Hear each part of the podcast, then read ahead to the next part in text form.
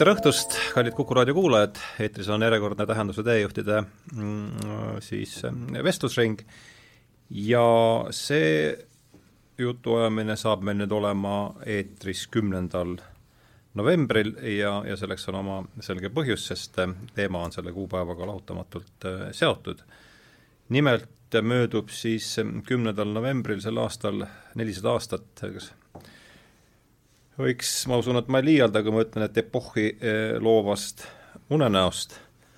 unenägija oli sedapuhku siis prantsuse filosoof Rene Descartes, leidis mm, äh, unenägu siis aset seal kusagil Müncheni kandis ja ja ajalooline taust oli see, et just oli alanud mm, siis Euroopa ajaloo üks olulisemaid mm, sündmusi, kolmekümneaastane sõda ja, ja kõik need, kõik need komponendid tulevad täna ilmselt ka jutuks.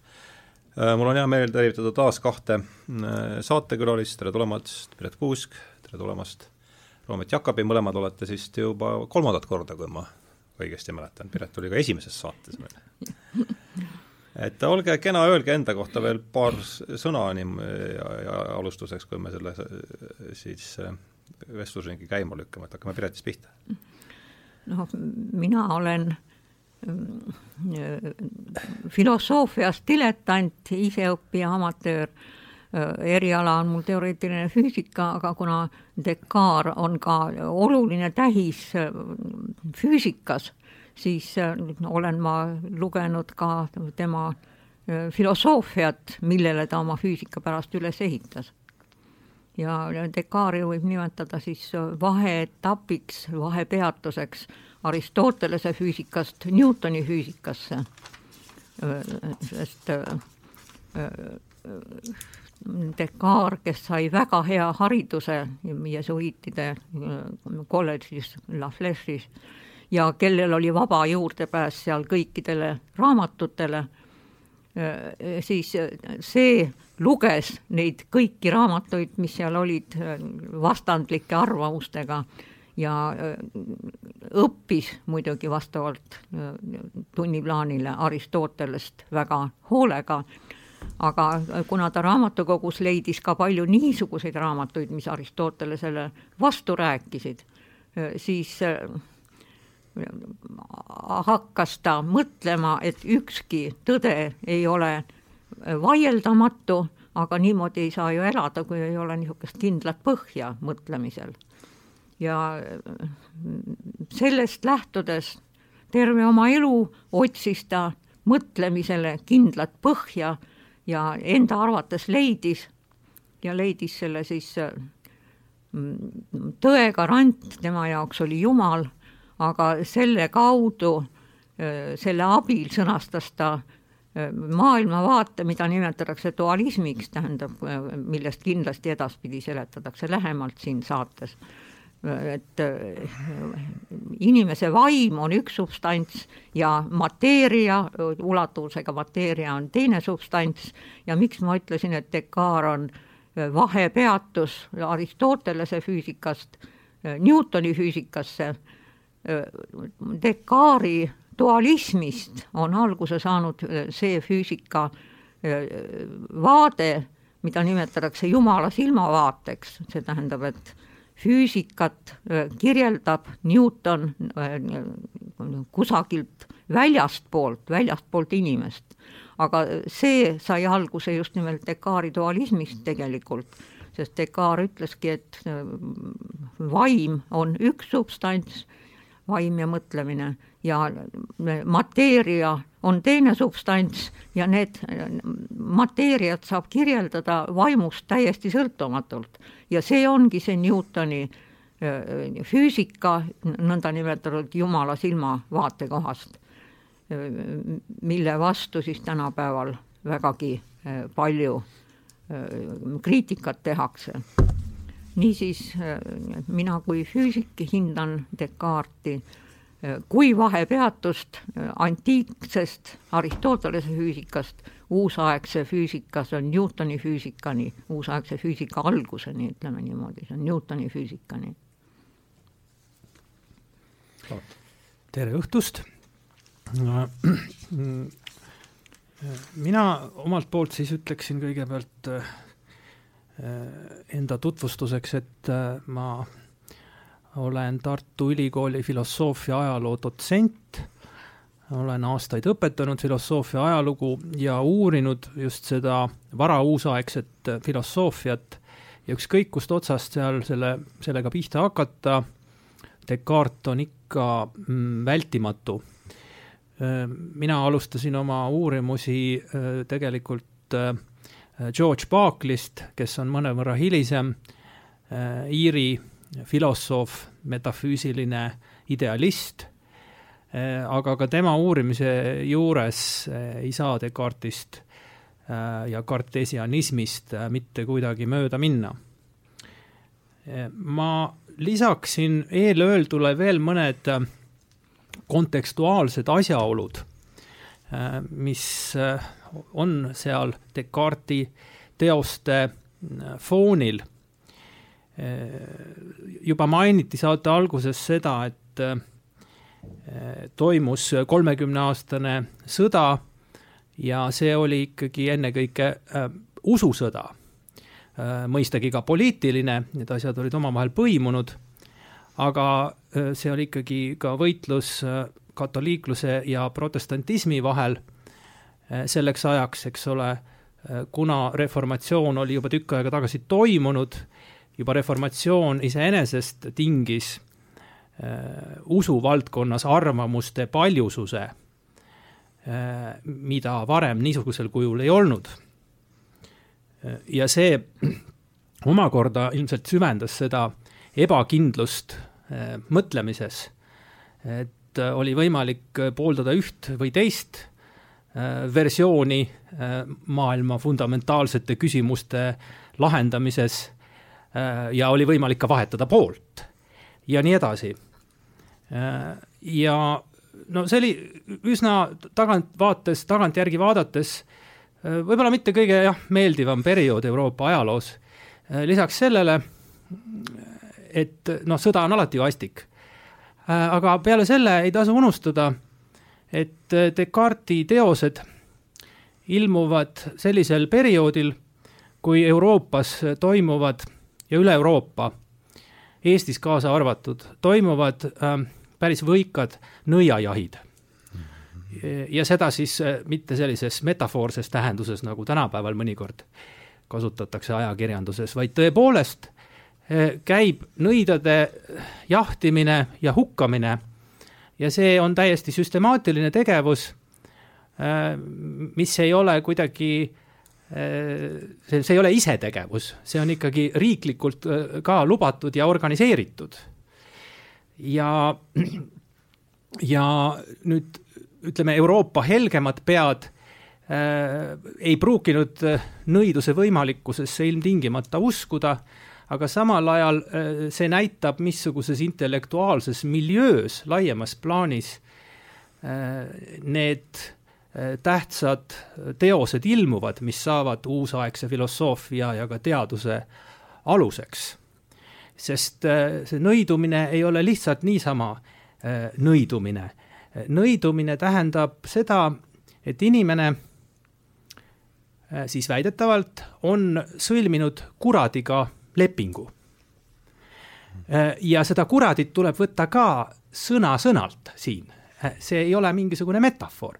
hirm teemonite, kurivaimude ees, kes inimesi eksitavad, tek-, tekitavad illusioone, väärarusaamu Äh, ja võivad halvemal juhul lõpuks inimese põrgusse viia. hirm selle kõige ees oli, oli suur ja võttis kohati hüsteeria mõõtmed. Muidugi need meetodid, mida kasutati nõidade tuvastamiseks, olid brutaalsed no piinamise tulemusena, kui sulle veel sõnad suhu pannakse, on inimesed valmis üles tunnistama põhimõtteliselt ükskõik mida.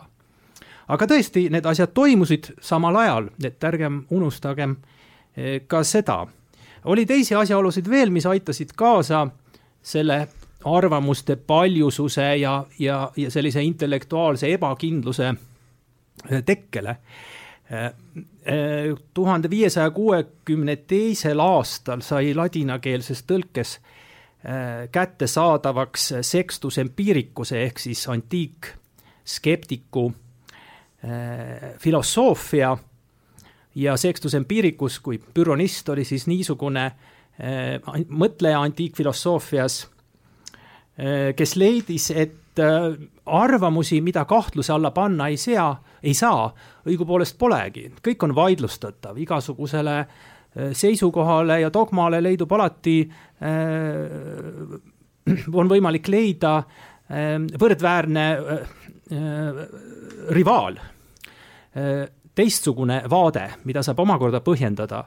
Ja selle seesuguse vaidlustamise tulemusena lõppkokkuvõttes skeptiks pea, peaks üldse hoiduma otsustamast et asjad iseeneses on nii või naa. ja siia võiks veel lisada niisuguse faktori nagu maadeavastused mm, -hmm.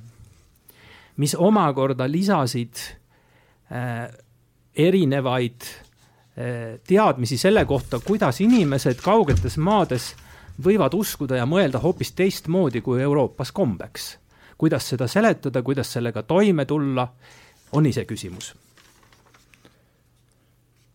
nii, jah, et ähm, mm, aga kuivõrd äh,, aitäh teile avaringi eest, et aga kuivõrd meil on nüüd äh, kuivõrd meil on see mm, käimalükkavaks või, või siis äh, ajendiks selleks vestluseks on seesama unenägu, et räägiks paari sõnaga vahest al alustuseks sellest, et mida ta siis seal nüüd õigupoolest unes nägi, unenägusid oli kolm, nii palju, kui mina sellest asjast aru saan, et no Descartes ise ei ole una, una, oma unenägusid üles kirjutanud, aga ta on küll ise märkinud, et kümnendal novembril tuhat kuussada üheksateist olles täidetuna entusiasmist, nägi ta unes öösel, kui ta oli, ta oli sel ajal sõjaväes seal kuskil Lõuna-Saksamaal mm. -hmm. nägi ta ühe öö jooksul kolme unenägu ja pärast seda sai ta aru, et missugune on tema edasine siht elus.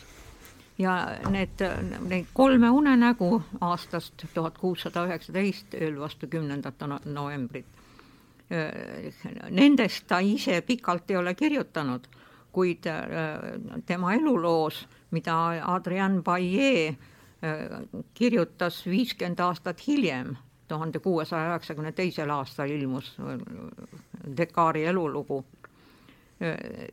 seal ta kirjeldab Dekari avaldamata käsikirju, mis pärast seda Dekar suri tuhat kuussada viiskümmend. Vaadati tema käsikirjaline pärand läbi ja sealt leiti ka üks niisugune ühe töö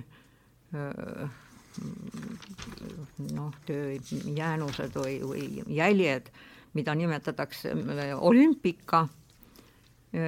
ja seal ta kirjeldab oma kolme unenägu, aga see Adrian Baillet ise avaldas oma, oma Dekari eluloo viiskümmend aastat hiljem, peaaegu tuhat kuussada üheksakümmend kaks ja äh, selles äh, on ta siis kirjeldanud neid Äh, käsikirja jäänuseid, mis sellest, nendest kolmest unenäost räägivad.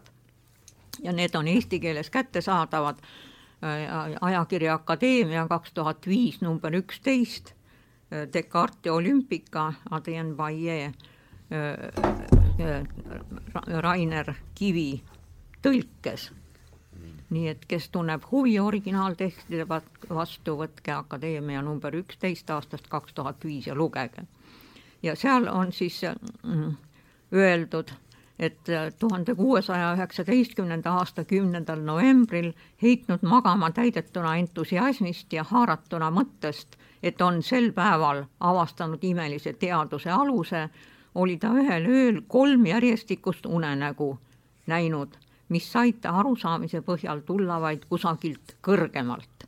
noh, nagu juba öeldud, Descartes sai oma hariduse jesuiitide kolledžis ja ta oli veendunud katoliiklane ja ei kahelnud Jumala olemasolus, vastupidi, ta isegi andis loogilise Jumala tõestuse.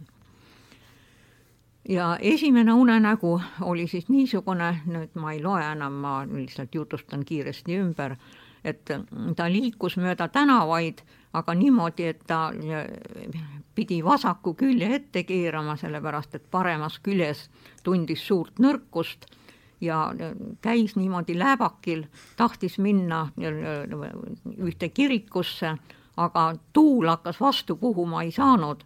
Ja siis nägi et ta on mööda läinud ühest tuttavast ilma talle tere ütlemata ja tahtis tagasi minna ja tere öelda, aga siis osutus, et noh, nagu unenäos ikka osutub, et siis kutsuti ta mingisugusesse inimeste ringi, kes ütlesid, et talle tahetakse anda üks medal, melon ja see nüüd jälle on niisugune sümbol, mida on kolmesaja aasta jooksul väga palju tõlgendatud, aga need ma jätan kõrvale.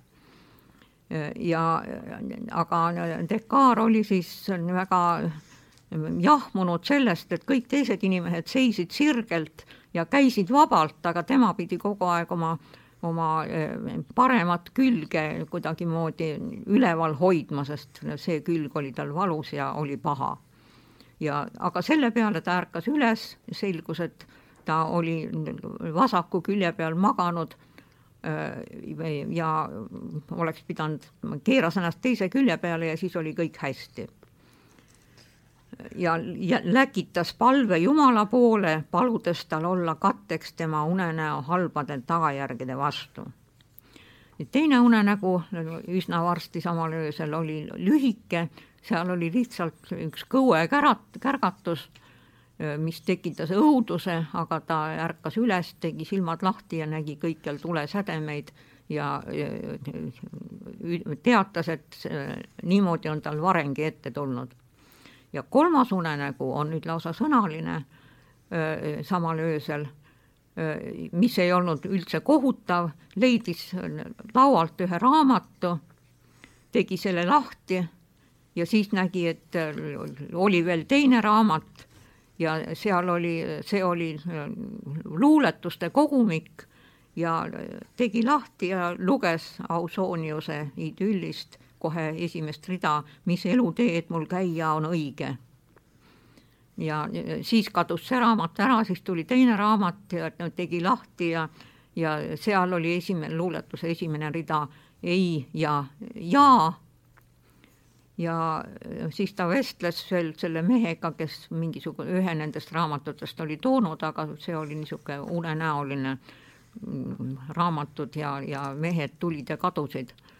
Aga kokkuvõttes siis, kui ta üles ärkas, siis äh, jäi talle meelde just nimelt see Ausoniuse eleegia esimene rida, mis eluteed mul käia on õige ja äh, see, see teine, äh, sama autori ütleme, teine luuletus, mis algab ei ja jaaga, tegelikult vastupidi, ja ja eiga.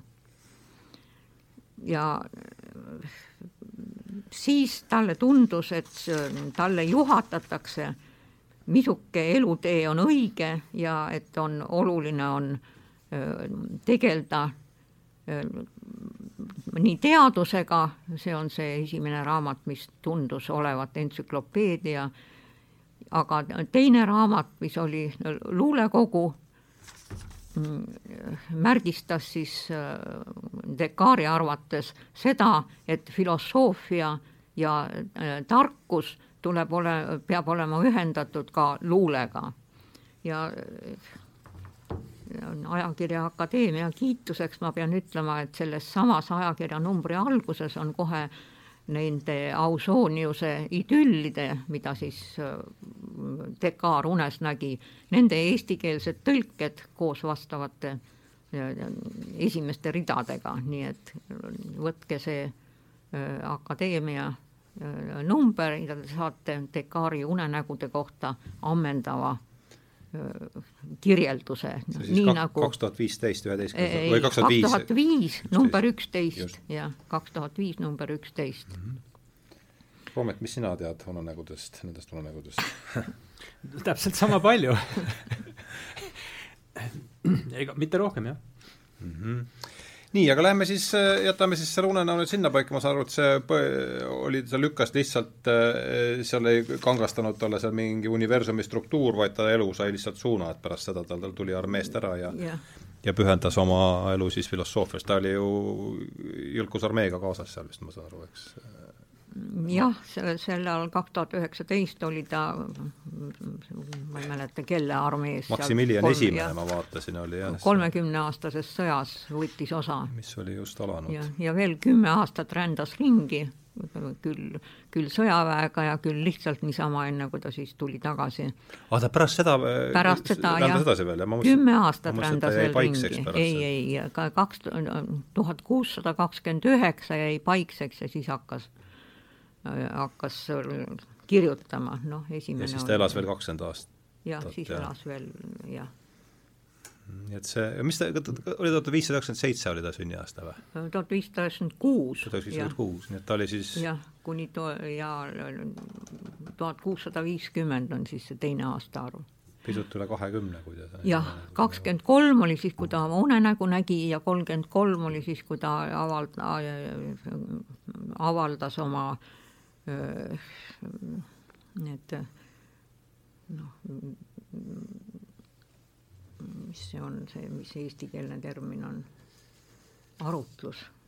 arutlusmeetodist. arutlusmeetodist, jah no nii, algus on tehtud, et lähme siis vaatame edasi, meil oli kokkulepe, et me jaotame selle arutelu siin sellisesse kolme suuremasse sambasse, võtsin lause, mis mulle jäi kõrva äh, Richard Tarnase raamatust äh, Passion of the Western Mind, kus ta siis ütleb, autor ütleb, et kartesiaanliku revolutsioon, ma siin põlve otsast tõlgitud nii-öelda, kartesiaanliku revolutsiooni tõi endaga kaasa skeptitsismi ja matemaatika kombinatsioon või liit, et nii et see on siis kaks teemat kohe, skeptitsism, matemaatika ja selle revolutsiooni kolmandaks komponendiks, mis oli ühtlasi nii selle impulsiks kui ka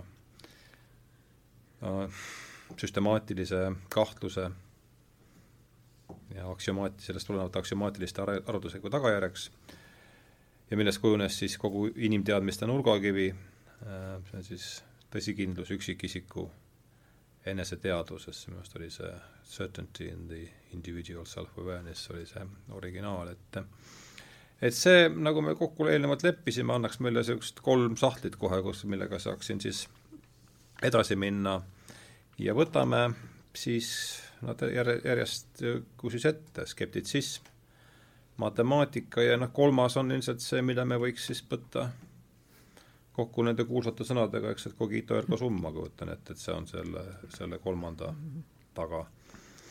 et skeptus või sextus empiricuse nimi käis meil siin korraks juba läbi, tuhat viissada kuuskümmend kaks, et sai, sai see teos ladina keelde tõlgitud et siis suur teema, skeptitsism ja, ja väljapääs äh, sellest, et äh, teed sa otsa lahti, Raamet?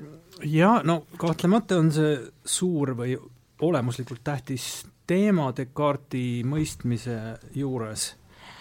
Äh, sa mainisid juba siin matemaatika olulisust, ma arvan, et võib, võib isegi siin üldistada, et seitsmeteistkümnenda sajandi filosoofide jaoks ja mitte ainult Descartesi jaoks äh, äh, matemaatika ja, ja iseäranis äh, Eukleidese geomeetria kujutab endast niisugust eeskuju, mille järgi tasub joonduda või mille, mille tõsikindlust püütakse jäljendada või saavutada ka filosoofia valdkonnas, no Descartesist veelgi äh, süstemaatilisem selles vallas oli Spinoza, kelle kuulus eetika on, on püütud äh, üles ehitada äh,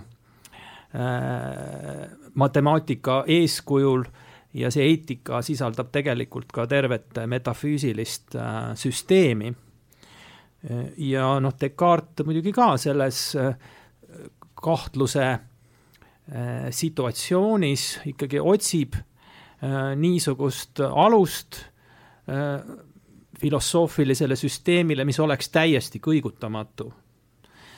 sest kuna ta ise skeptik ei ole, aga ta on valmis minema väga kaugele kahtluste esitamisega kõige selle kohta, mida me seni ja mida tema seni on tõeseks pidanud ja see kahtlus ulatub tõesti väga kaugemale, noh kõige, kõige mm, kujukamalt on see esitatud tema esimeses äh, meditatsioonis, aga meditatsioonidest me ehk räägime pärast veel äh, eraldi. aga jah, ideaaliks on ikkagi niisugune, äh, niisugune filosoofiline süsteem, kus saaks paika panna vähemalt ühe aksioomi mm. -hmm. ja, ja mõne definitsiooni ja siis äh, ülejäänu äh, tõsikindlalt tuletada, et ühesõnaga leida niisugune alus, mis selle radikaalse kahtlemise välja kannatab. mingi nael, nael kuhugi, kuhu saaks muud asjad külge riputada jah, ja nagu sa juba ütlesid, eks ole, ta, ta leiab selle tegelikult selle, selle, selle aluse mõtleva subjekti enesetunnetuses veel mm, -hmm, mida ta peab ilmseks mm. -hmm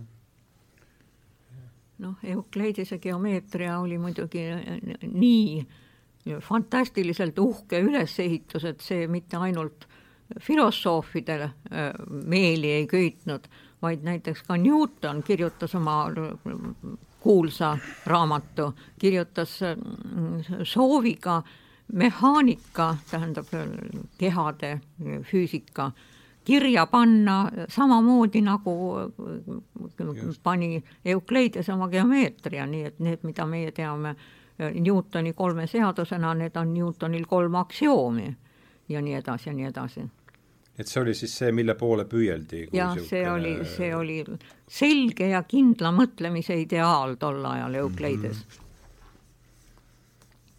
mm. -hmm. Aga nüüd, kui nüüd puutub äh, nüüd skeptitsismi, siis, siis äh, käis meil siin enne vestlust läbi Montagne'i no Montagne'i oli see, kes äh, sedasama Sextus Empiricust propageeris kui tänapäeva mõistet kasutada. sest tema oma esseedes, mis ka muuseas on ju eesti keeles ilmunud, tsiteeris väga palju neid Kreeka autoreid, kes selleks ajaks, tähendab kuueteistkümnenda sajandi keskpaigaks, olid juba ladina keelde tõlgitud ja kättesaadavad ja Montagne'i, kes oli küll tõsi katoliiklane ja väitis oma esseedes, et ristiusk peab baseeruma mitte teadmisel, vaid usul, mis on antud Jumala arust. ja see Jumal on see, mis skeptitsismil aluse ära lõikab, usk jah, eks see ongi kindlasti üks viis äh, skeptitsismi üle, ületada, on, on loobuda siis sellise ratsionaalse või teadusliku aluse otsimisest ja panna rõhk siis äh, usu peale.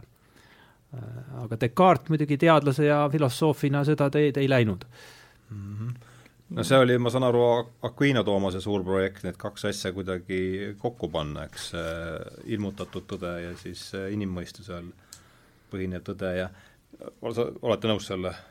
ja Aquino mis... Toomase puhul kindlasti, jah. aga ja te... mis on siis see, see taust, kus, kus, kus see kõik siis hakkab äh, välja kasvama? Äh, mõnes mõttes jah, aga Descartes sattus, äh, tal tekkisid probleemid tema vaadete tõttu ja just teoloogilises plaanis mm. -hmm. et see ei läinud mitmeski aspektis kokku nojah, aga siin on õpetusega. jah, et kas siin on nüüd ikkagi kui meil selle usu, ususõjast äh,, ususõdade taustast on juttu olnud ja, ja reformatsiooni, reformatsiooni see mm, sõna on nüüd ka siit läbi libisenud ja sul on see teoloogiline taust ju ka all, eks, et et kas on ikkagi reformatsioon siin selleks suureks vee, veelahkmeks, kus see skeptitsismi vaim skeptitsismi vaim tuleb uuesti Euroopasse. no see on kindlasti üks faktor, aga, aga ilmselt mitte ainult, eks ole, sest mm, ma ei oska seda praegu Piretil on midagi lisada skeptitsismi poole peal siin? noh, skeptitsismi poole pealt on no lisaks sellele, mis siin juba on öeldud, reformatsioon, see tähendab katoliku kiriku tõdede ja tõe pretensiooni kõigutamine Martin Luteri poolt, siis teiseks see, et maade avastused, mis näitasid, et kõik see, mis siin Euroopas on, see ei ole ainuke, vaid on võimalik ka täiesti teistsuguseid vaateid. ja kolmandaks oli Aristotelese, kahtlemine Aristoteleses, sest et Aristoteles oli tuhat aastat olnud täielik autoriteet katoliku kiriku toel, aga Aristotelese füüsika oli nagu ta oli. ja selle väiteid hakati Mm, niimoodi kahtluse alla panema, lihtsalt kas või vaatlused ja no katseid muidugi ei tehtud, aga lihtsalt vaatlused äh, hakkasid kõigutama Aristotelese füüsikatki, nii et keskaja jooksul seal need skolastikud tegid üsna mitmeid ettepanekuid Aristotelese füüsika parandamiseks, aga kui juba Aristotelest parandama hakati, siis, siis tema autoriteet ei olnud enam kõigutamatu. Nii et äh, see viis ka kahtlusteni. ja me ei ole üldse rääkinud Galileist veel eks. no see tuleb jah, selle, tuleb selle matemaatika et äh, ei, ja just nimelt selle eelneva, sellega seoses, millest juttu oli, et sellest skolastilis aristotellikust äh, maailmapildist, mis kosmoloogilises plaanis ju tähendas seda, et maa asub siis kosmose keskpunktis Äh, ja äh, see asjaolu, et äh, Galilei tuhande kuuesaja, Galilei vaated tuhande kuuesaja kolmekümne kolmandal aastal kiriku poolt hukka mõisteti. kuussada kolmkümmend kolm ütled sa, jah? jah, ja selle hukkamõiste, hukkamõistu aluseks siis väidetavalt oli just nimelt tema heliotsentriline maailmapilt või arusaam, et, et päike asub keskpunktis, mitte maa, et see mõjutas ka tegelikult Descartesi Eh, käekäiku, sellepärast et eh, juba tuhande kuuesaja kahekümnendate aastate lõpus hakkas Descartes kirjutama eh, teost, mille pealkiri on Maailm. Ja osa sellest on mm, kus ta püüdis siis kirjeldada, anda teadusliku kirjelduse maailmast ja muuhulgas ühe osana sellest ka inimese anatoomiast. Eh, ma lugesin seda aastaid tagasi, seda, eriti seda, seda äh, äh, inimkeha kirjeldust, mille Descartes seal annab, see on väga äh, detailne, nii-öelda oma ajastu teaduse nii parimal tasemel ja seal tuleb juba selgelt esile teistsugune käsitlus kehalisest maailmast või mateeriast, kui me leiame Arist-, aristotellikus äh, vaates. Äh, et seal on juba olemas ettekujutus kehadest kui äh, suure looduse masinavärgi osadest, see on mehaaniline masi-, masinavärk. ja, ja isegi selles varases teoses, mida Descartes lõpuks ei avaldanud, kuna see teos sisaldas ka heliotsentrilist maailmakäsitlust. mis aasta see oli, palun, läks kõrvast mööda? ta just siis, kui Galilei vaated hukka mõisteti, siis Descartes loobus plaanist seda avaldada, ma olen nii aru saanud okay.. Ja ta tõesti kirjeldab seal üksikasjalikult seda, kuidas inimkeha on üles ehitatud, see närvisüsteem ja, ja see on põhimõtteliselt, see on tõesti masinavärk, mis võiks äh, niisamagi toimida, seal ei ole äh, niisugust vegetatiivset hingejagu ega aistivat hingeosa, mis seal oleks aristotelliku käsitluse järgi, see on lihtsalt masinavärk, mehaaniline süsteem, mis toimib oma seaduspärade järgi. aga sellest hoolimata Descartes juba selle teose lõpus ja siin tuleb mängu tema metafüüsiline maailmapilt ja äh, laiemad siis uskumused, ta ei saa ilma hingeta ikkagi hakkama. tähendab, ratsionaalse hinge ta selle masinavärgi sisse ikkagi paneb või selle kummituse mm. -hmm. aga mitte siis jah, vegetatiivne äh, hing või see aistiv hing need äh, on Descartilikust või kartesiaanlikust maailmapildist siis juba välja aetud mehhanismide abil.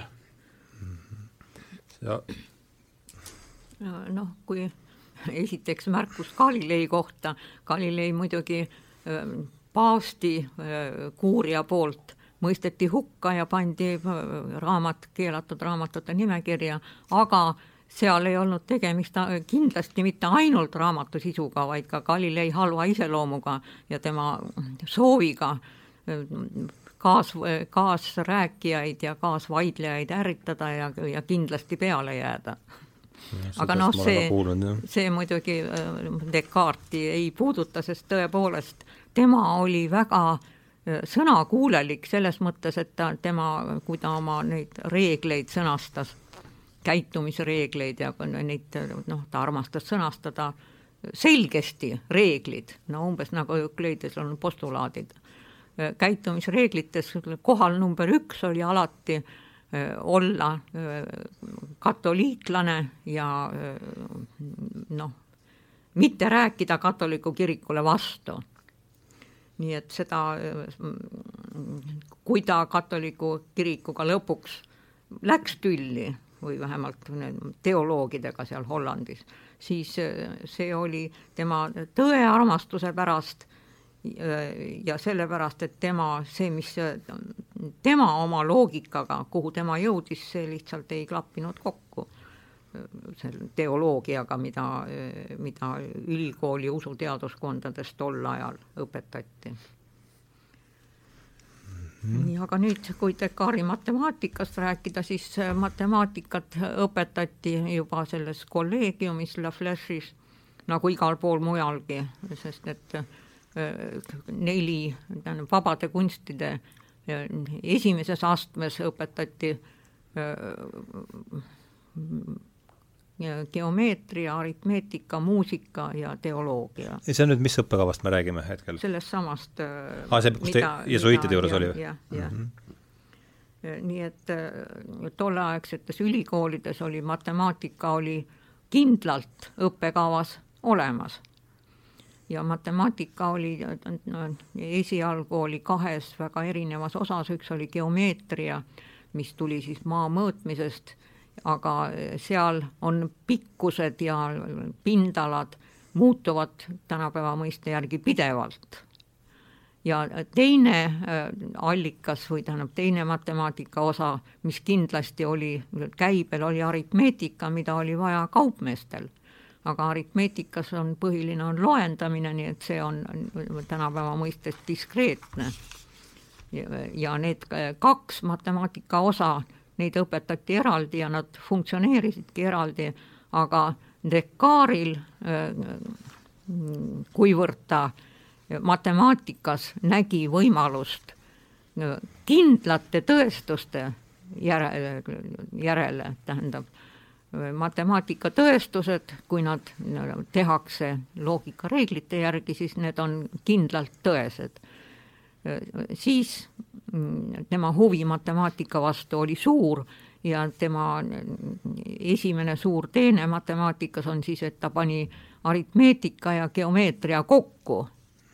ütles, et me võime võtta ühe lõigu pikkuse võime võtta ühikuks, see on arv üks ja siis kõik teised lõigud hakkame sellega mõõtma ja saame lõikusid loendada ja nii edasi, nii edasi. ja see on siis on algus sellele teadusele, mida tänapäeval nimetatakse analüütiliseks geomeetriaks ja mida, mis tänapäevalgi kuulub täppisteadlaste haridusse kindlalt ja mida selle nime all ka õpetatakse, analüütiline geomeetria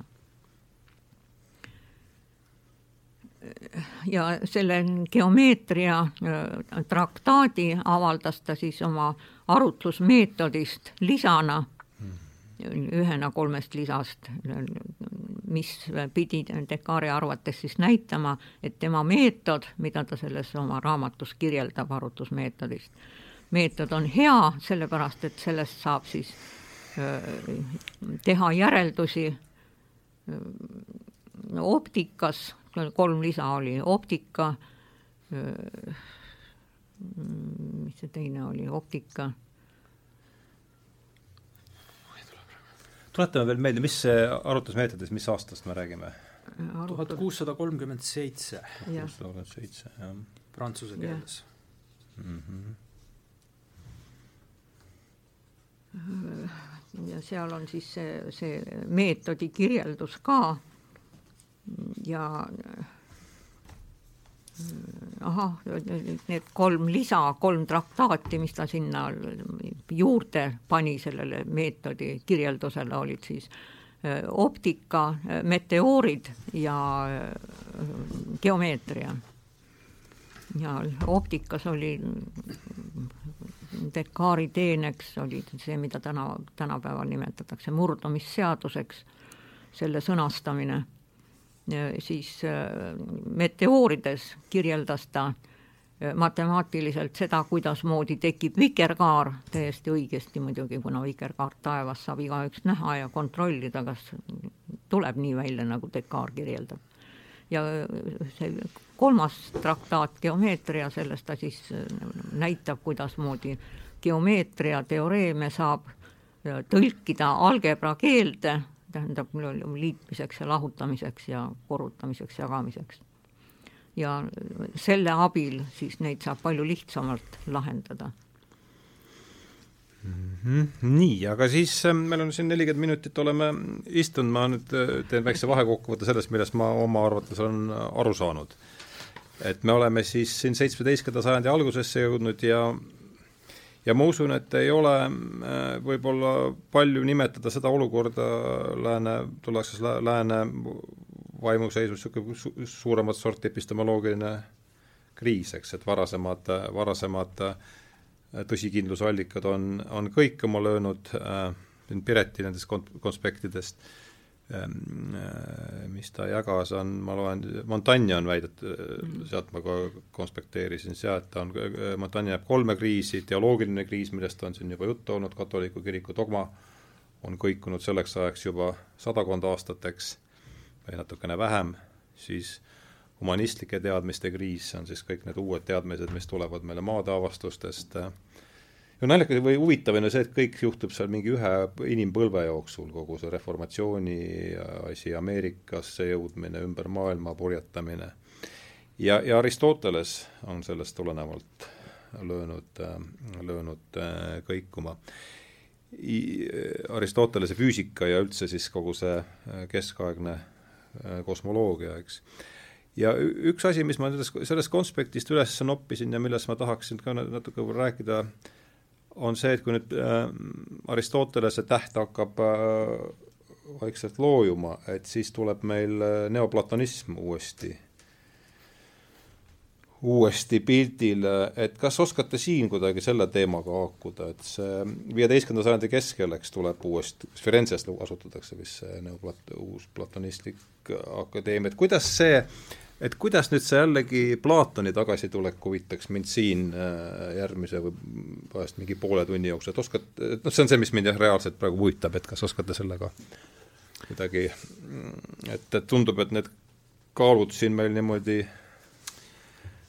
no pärast, pärast Aquino sünteesi saab ju Aristoteles, eks ole, selgeks selleks äh, naelaks, mille küljeks see asi meil ripub, et äh, nüüd hakkab see nael äh, siis äh, liikuma ja, ja tuleb, tuleb siis Platoni tagasitulek, et kõik, nii, teie, sõna teil. no platonismi tagasitulekut ma Descartesi puhul näeksin no vähemalt kahes aspektis, et kui me vaatame seda tunnetusteooria seisukohalt, siis siis Descartes ju selgesti väljendab seisukohta, et et kõige või ühesõnaga tõsikindlaid teadmisi me tegelikult äh, ei saa äh, mitte äh, niivõrd meelte kaudu, kuivõrd intellekti kaudu mm. -hmm. ja ta läheb nii kaugele välja, et kui ta räägib inimese hinge või vaimu kognitiivsetest võimetest, siis ta jaga, jaotab need niimoodi, et suurem jagu neist on kehast sõltuvad. Nad vajavad toimimiseks äh, keha, kehalisi organeid äh,, äh sealhulgas siis kujutlusvõime, mälu ja meie meeletaju. aga meil on ka puhas intellekt, mis on just nimelt see ja siis kehast sõltumatu kognitiivne võime, mille kaudu me tegelikult suudame hoomata asjade olemust. sealhulgas hinge, hing ähm, hoomab iseenda loomust, hoomab ka kehade metafüüsilist olemust, mitte meelte kaudu me ei saa aru, mis kehad iseeneses olemuslikult on, vaid just äh, intellektiga haarates, no kuulus Descartesi vaha äh, näide teises meditatsioonis kus ta jõuab nii kaugele, et ta äh, leiab, et äh, meeled ei anna meile usaldusväärset informatsiooni selle kohta, mis see keha iseeneses on. selleks, selleks, et mõista, et keha iseenesest pole midagi muud kui ulatuv mingi mõõtmetega asi või isegi ollus, mida saab erineval viisil modifitseerida, selle mõistmiseks on vaja intellekti.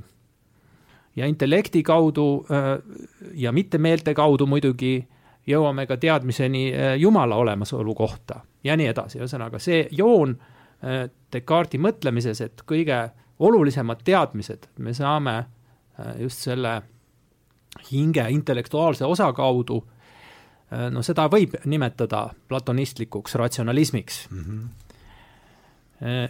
ja kui nüüd rääkida siis metafüüsikast, äh, osaliselt ma olen juba sellest rääkinud siin,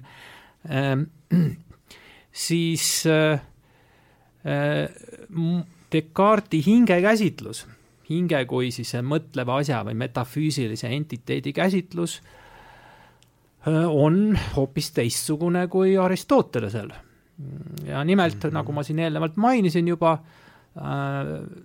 äh, Descartes ei pea vajalikuks või ei pea õigeks äh, eristada hinges niisuguseid osi või aspekte nagu Aristoteles, et on mingisugune vegetatiivne ja siis aistiline hinge osa või aspekt või jagu.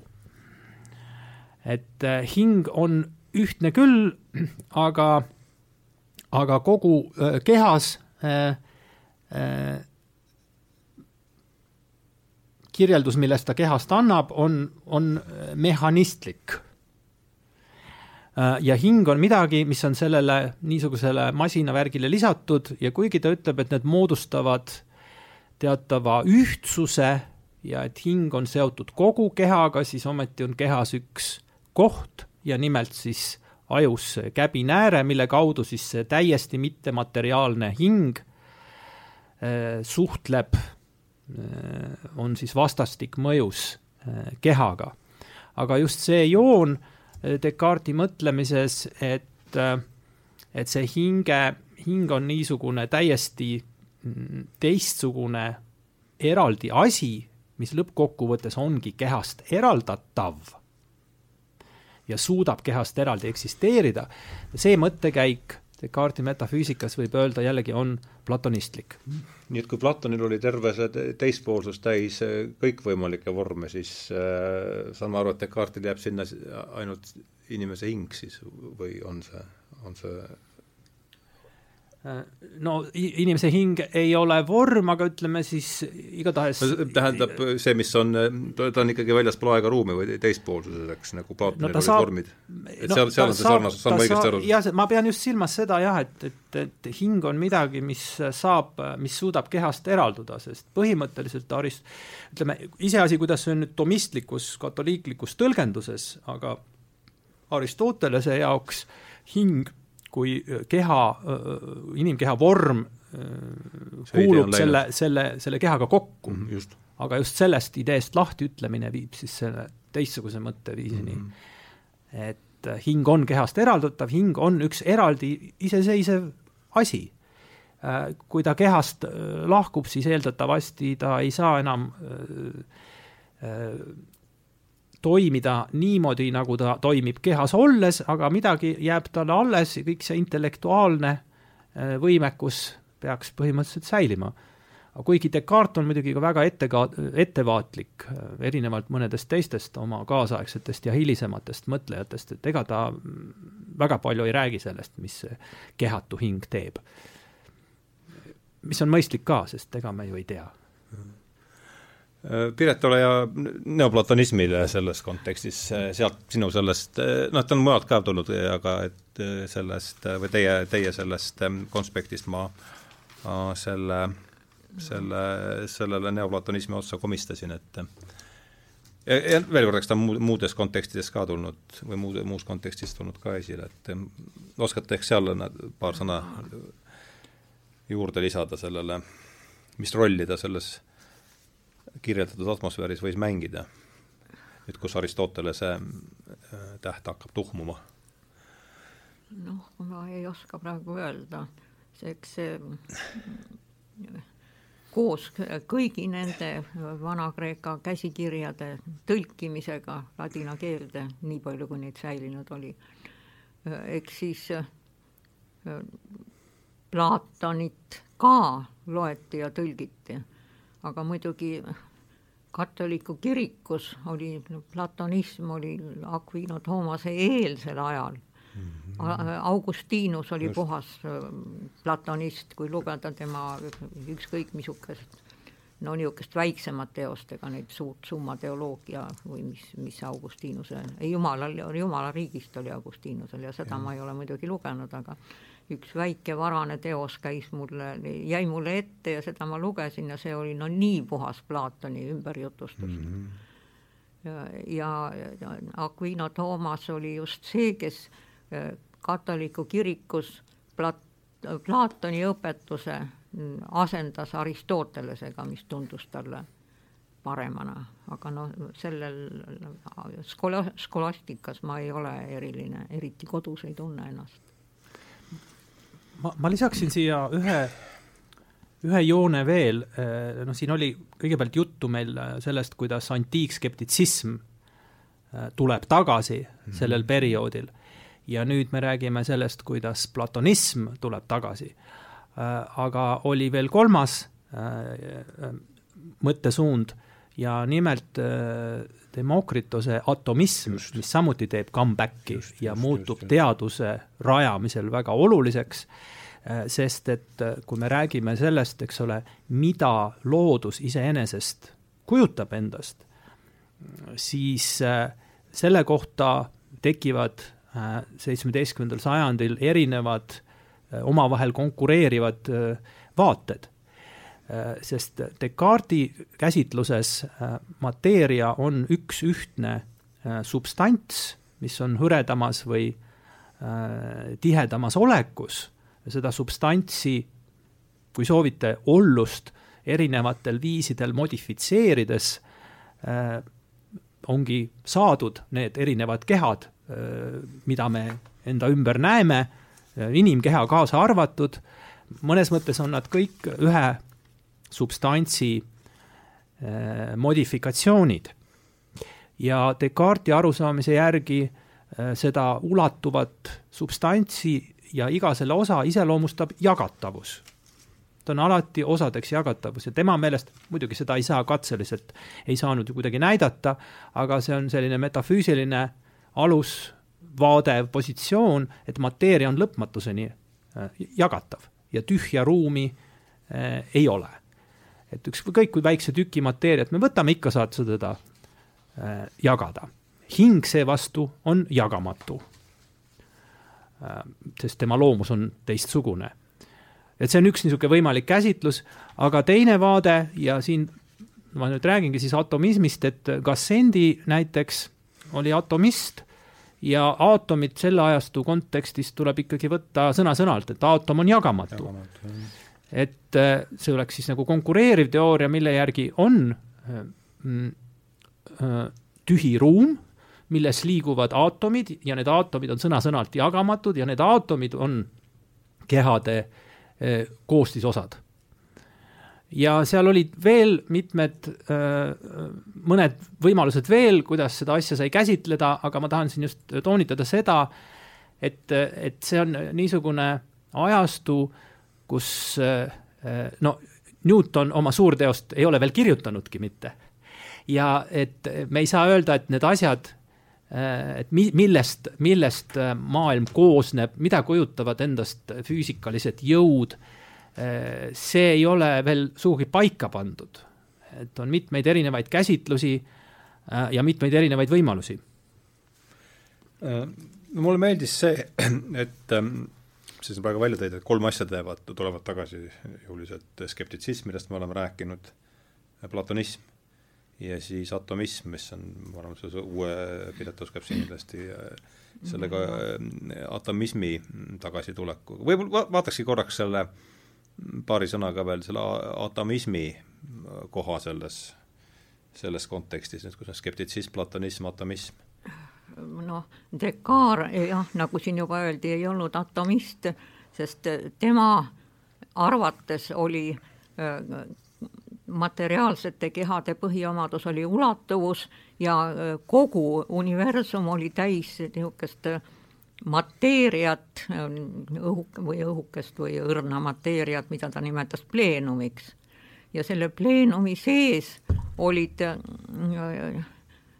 kehad, mis olid siis modifitseerunud sellest samast pleenumist ja need kehad tegelikult olid need, mis liikusid, põrkusid omavahel ja mis moodustasid selle universumi ja selle füüsikalised, füüsikalise maailma, mida me näeme ja tunnetame. nii et mõnes mõttes Descartes oli ka atomist, sellepärast et tema maailm koosnes kehadest, mis mehaaniliselt üksteisest, üksteist vastas mõjustasid mm. -hmm. ja Descartes'i peetaksegi mehhanistliku maailmavaate aluse panijaks, no sellest tuleneb ka see inimese kui mehhanismi mudel, sest tema nägi, et maailmas need kehad, mis seal pleenumi sees liiguvad, need on, moodustavad kõik selle meie poolt aistitud maailma ja ta sõnastas ka äh, liikumisseadused, tähendab tuhat kuussada nelikümmend neli avaldas ta suure neljaköitelise teose Principia Philosophica, oli niisugune pealkiri vist, jah. filosoofia printsiibid. jah, filosoofia printsiibid, mille äh, esimene osa oli siis tema metafüüsika, äh, enam-vähem seesama, mis meditatsioonid, millest veel ei ole jõudnud rääkida mm teine osa oli füüsikaliste kehade käitumisreeglid ja siis olid veel kolmas osa universum ja neljas osa maa. aga see teine osa, füüsika alused, oli, oli Descartesi arvates niisugune õpetus, mida peaks hakkama kõikidel, kõikides ülikoolides õpetama äh, selle, selle füüsikakursusena ja seda mõningad aastad isegi tehti, aga siis tuli Newton, kes nägi, et Descartesi füüsika ei ole äh, katsetega kooskõlas ja äh, oma suure teose loodusfilosoofia matemaatilised printsiibid, selle niisuguse ajendiks oligi tal Descartesi parandamine. aga nüüd, mis Descartesil oli siis, oli ja mida tal ei olnud, ta oma ulatuvust, ulatuvusega kehade seadustes, seadustena sõnastas selle, et kui keha on paigal, seal pleenumis muidugi, et siis hakkab ta liikuma ainult siis, kui äh, miski teda sunnib liikuma ja teine seadus, äh, kui keha liigub äh, sirgjooneliselt, siis ta ei muuda oma liikumisolekut ka enne, kui mõni teine keha teda, tal, tal, teda selleks sunnib. ja need kaks kokku on täpselt Newtoni Newton, inertsiseadus. nii et need olid olemas juba enne Newtonit, aga mm -hmm. kuna Descartes uskus mõistusesse rohkem kui, kui niimoodi katsesse, no katseid ta muidugi ei teinud, aga isegi vaatlustesse, siis järgmisena püüdis ta sõnastada kehade põrkumise seadused. Ja need olid tal täiesti noh, pehmelt öeldes valed, selle ja tänapäeval öeldakse, et tal läks, see asi läks valesti sellepärast, et ta arvas, et see, mida nimetatakse jõuks, noh, see on see liikumise suuna muutuse põhjus. et tema vaatas ainult selle suurust, aga ei vaadanud suunda, see tähendab jõud meie mõistes oli tema jaoks skalaarne suurus ja mitte vektorsuurus. ja aga ta sai aru küll, et tema põrkumise seadused ei kirjelda piljardikuule nii, nagu need piljardikuulid tegelikult liiguvad. aga siis ta hakkas kohe õiendama, et eh, jah, seal on nii ja naa, niisugused teistsugused tingimused ikkagi. minu seadused on õiged ja mis sest, et piljardikuulid liiguvad teistmoodi ja Newton oli siis muidugi see, kes, kes selle põrkumise seadused ja, ja jõu sisse tõi kui vektorsuuruse. nii, aga nüüd on jah, juba tund aega läinud, et et eh, mul paelub ikkagi see skeptitsism ja platonism, et eks kui nüüd vaadata siin Plat-, platonism oli ju ka mingis määral katse, eks, sellest äh, sofistide skeptitsismist äh, kuidagi välja tulla, et et postuleerida mingite selliste metafüüsiliste entiteetide olemasolu ja mingi uus dogma, mingi uus vai kuhugi lüüa, mille külge saaks selle asja riputada, kogu selle muu teoreetilise ja, ja, ja, ja, ja uue kosmoloogia, siis see, tsitaat on nüüd jällegi Pireti jagatud konspektis, et et siin loob uue dogma siis Galilei, kes mhm. ütleb, et maailm on kirjeldatav matemaatiliselt ja ja et siis selles uues äh, uusaja künnisel ületatakse skeptitsism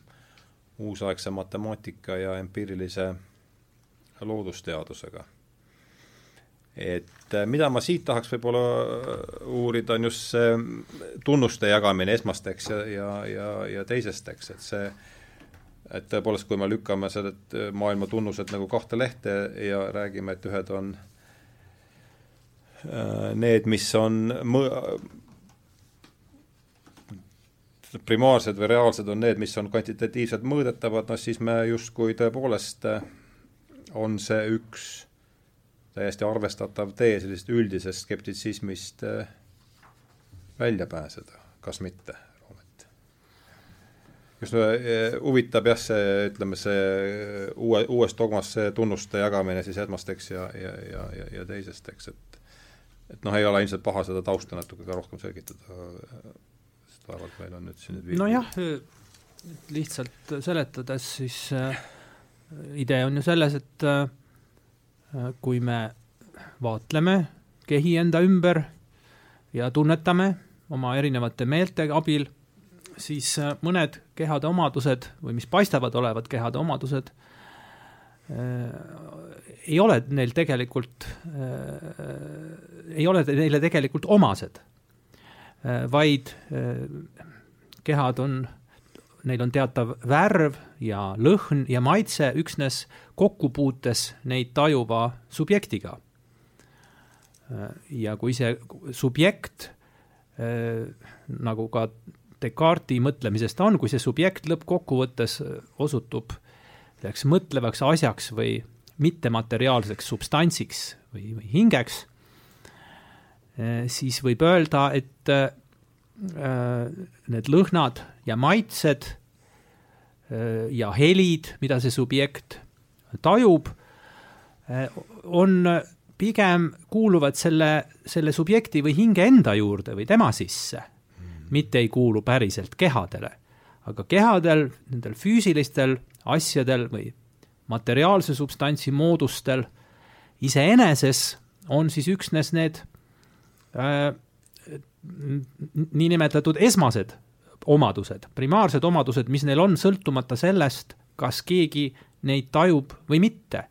nagu siis kuju ja liikumine ja, ja siis muidugi kõige fundamentaalsemal äh, tasandil Descartesi jaoks siis mõõtmed. ehk see ulatuvus. ja no võib öelda küll jah, et see on üks, üks viis, et niimoodi maailma käsitleda, et me ei äh,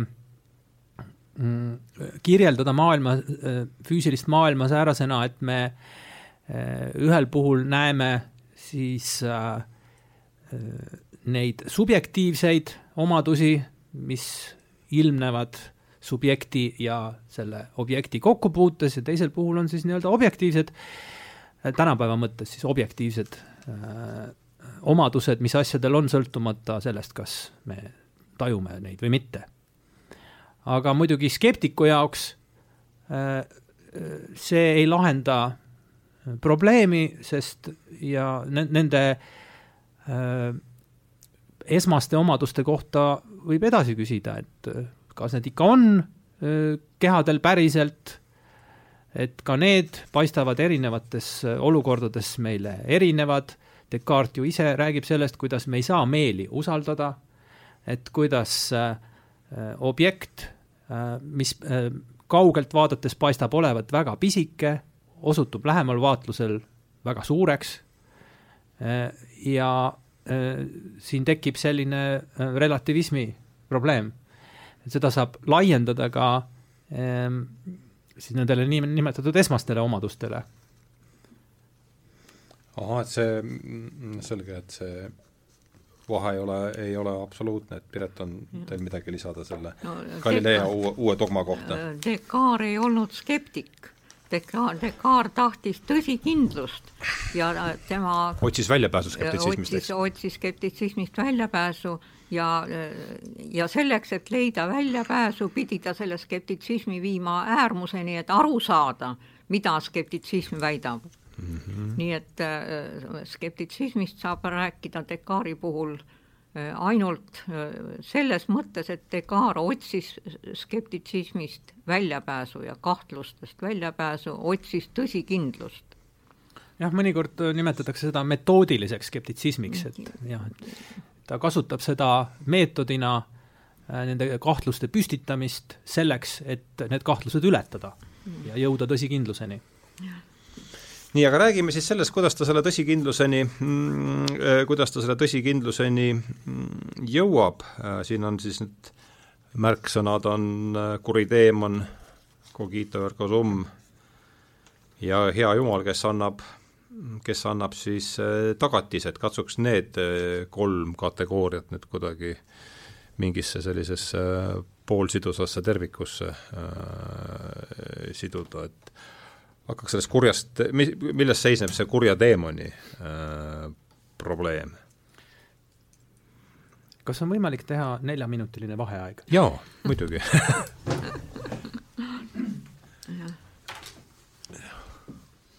no nii, aga läheme siis edasi või? nii, siin me siis nüüd oleme, on siis seitsmeteistkümnenda sajandi algus ja, ja, ja lääne ilma raputab niisugune tõsisemat sorti äh, epistemoloogiline äh, kriis, vanad äh, sajandeid kindlana tundunud asjad on, on löönud kõikuma ja üks nendest siis, kes otsib sellest skeptitsismist väljapääsu, on Descartes.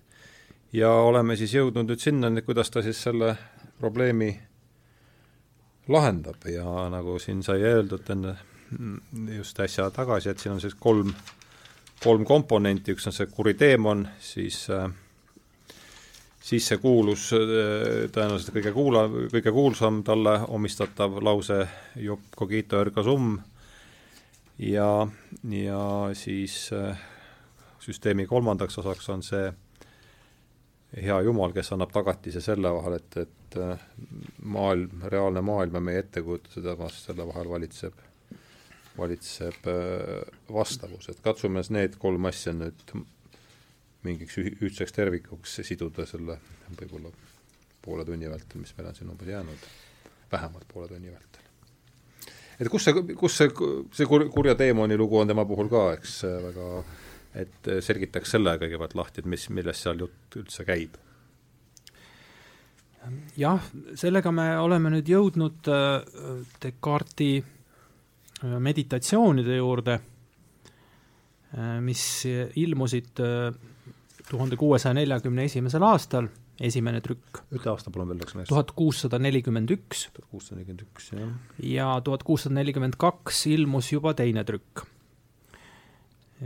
selle teose puhul tasub tähelepanu pöörata juba pealkirjale. nimelt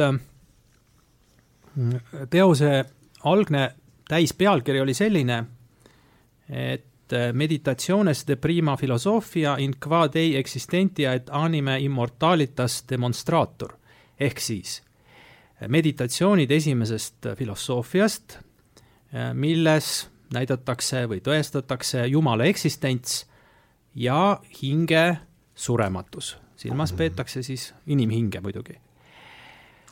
Küllaltki ambitsioonikas äh, projekt, äh, aga see näitab muidugi juba selgelt, mida Descartes saavutada tahab, võib ka muidugi lisada, et ja tuleb lisada, et kuna tegemist on ikkagi niivõrd skeptilise situatsiooniga, siis lisaks Jumala ja inimhinge eksistentsile vajab tõestamist ka füüsilise maailma olemasolu, mateeria eksistents, milleni ta ka lõpuks jõuab kuuendas meditatsiooniks, meditatsioonis.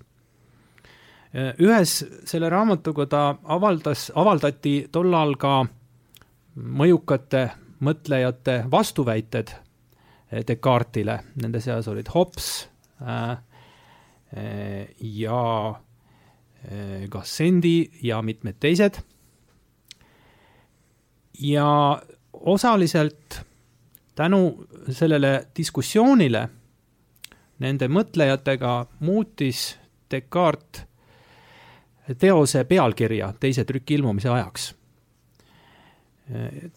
ta oli sunnitud möönma, et tegelikult äh, hinge surematust tal tõestada ei õnnestunud. et see teise trüki pealkiri on veidi vähem ambitsioonikas, kuigi siiski veel piisavalt ambitsioonikas.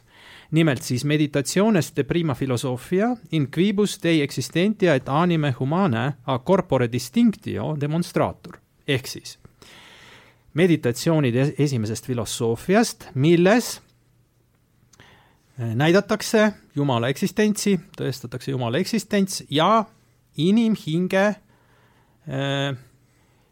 äh, eristuvus kehast äh,.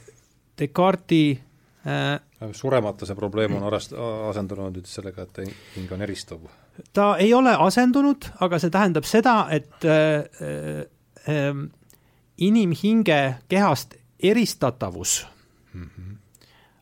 loomuse poolest on aste äh, surematuse tõestuses okay.. aga täieliku tõestuseni äh, sellest jääb üht-teist puudu. Seda Descartes möönab ja siis ta püüab seletada hiljem, et ta noh, nii kaugele ei tahtnudki jõuda või see, see, see, see on natuke suurem projekt, mis, mida ta ette ei võtnud. Ähm,. nüüd see, see teemon. Ähm, no ladinakeelses originaalis vastab sellele tegelikult sõna äh, geenius.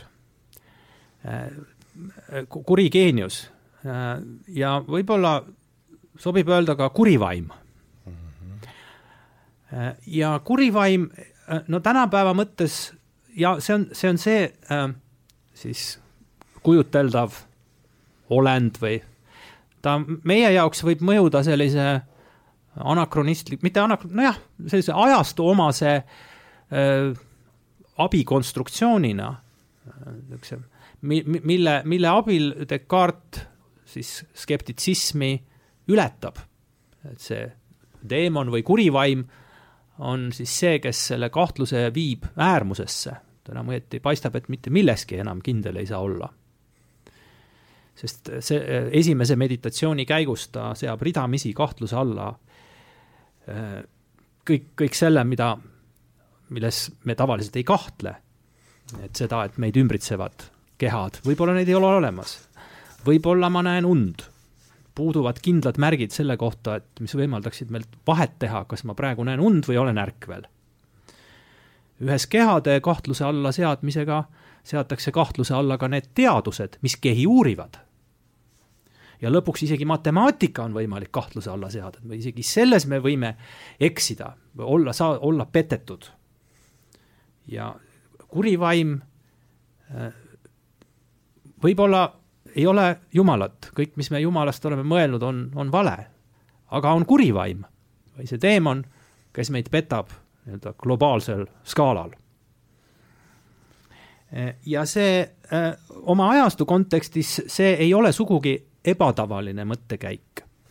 et äh, nende meditatsioonide puhul äh, tasub mainida ka seda, et, et see on niisugune äh, žanr, mis pigem kuulub nagu no vagaduskirjanduse valdav, et sellised mm, tava, nagu siin täna juttu on olnud korduvalt, eks ole, Descartes õppis jesuiitide koolis äh,, niisugune, niisugune kirjandusžanr, kus äh, religioosne mõtleja arutleb ja üritab oma kahtlusi ületada mõtluse abil ja meditatsiooni abil, selline esimesest perspek-, esimese isiku perspektiivist kirjutatud mõtlus mm. -hmm.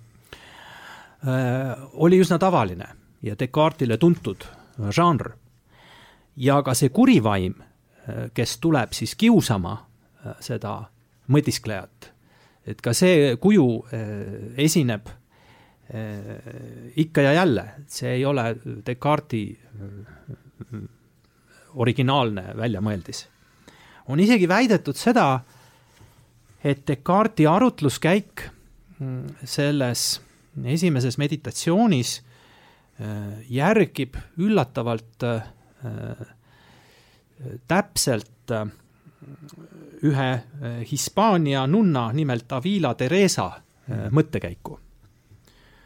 see on võib-olla vaieldav, aga igal juhul, et see, see viis, kuidas Descartes meditatsioonis üles ehitab, ei ole, see ei ole tüüpiline niisugune filosoofia raamat, seda enam, kui ta tahab jõuda siis äh, metafüüsiliste äh, aktsioomideni, millele filosoofiline süsteem üles ehitada.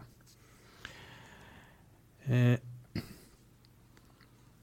äh, olles selle globaalse kahtluse välja joonistanud, jõuab siis ta teises meditatsioonis tõdemuseni, et niivõrd, kui ta paneb tähele end mõtlevat, niivõrd kui ta mõtleb ja on sellest teadlik,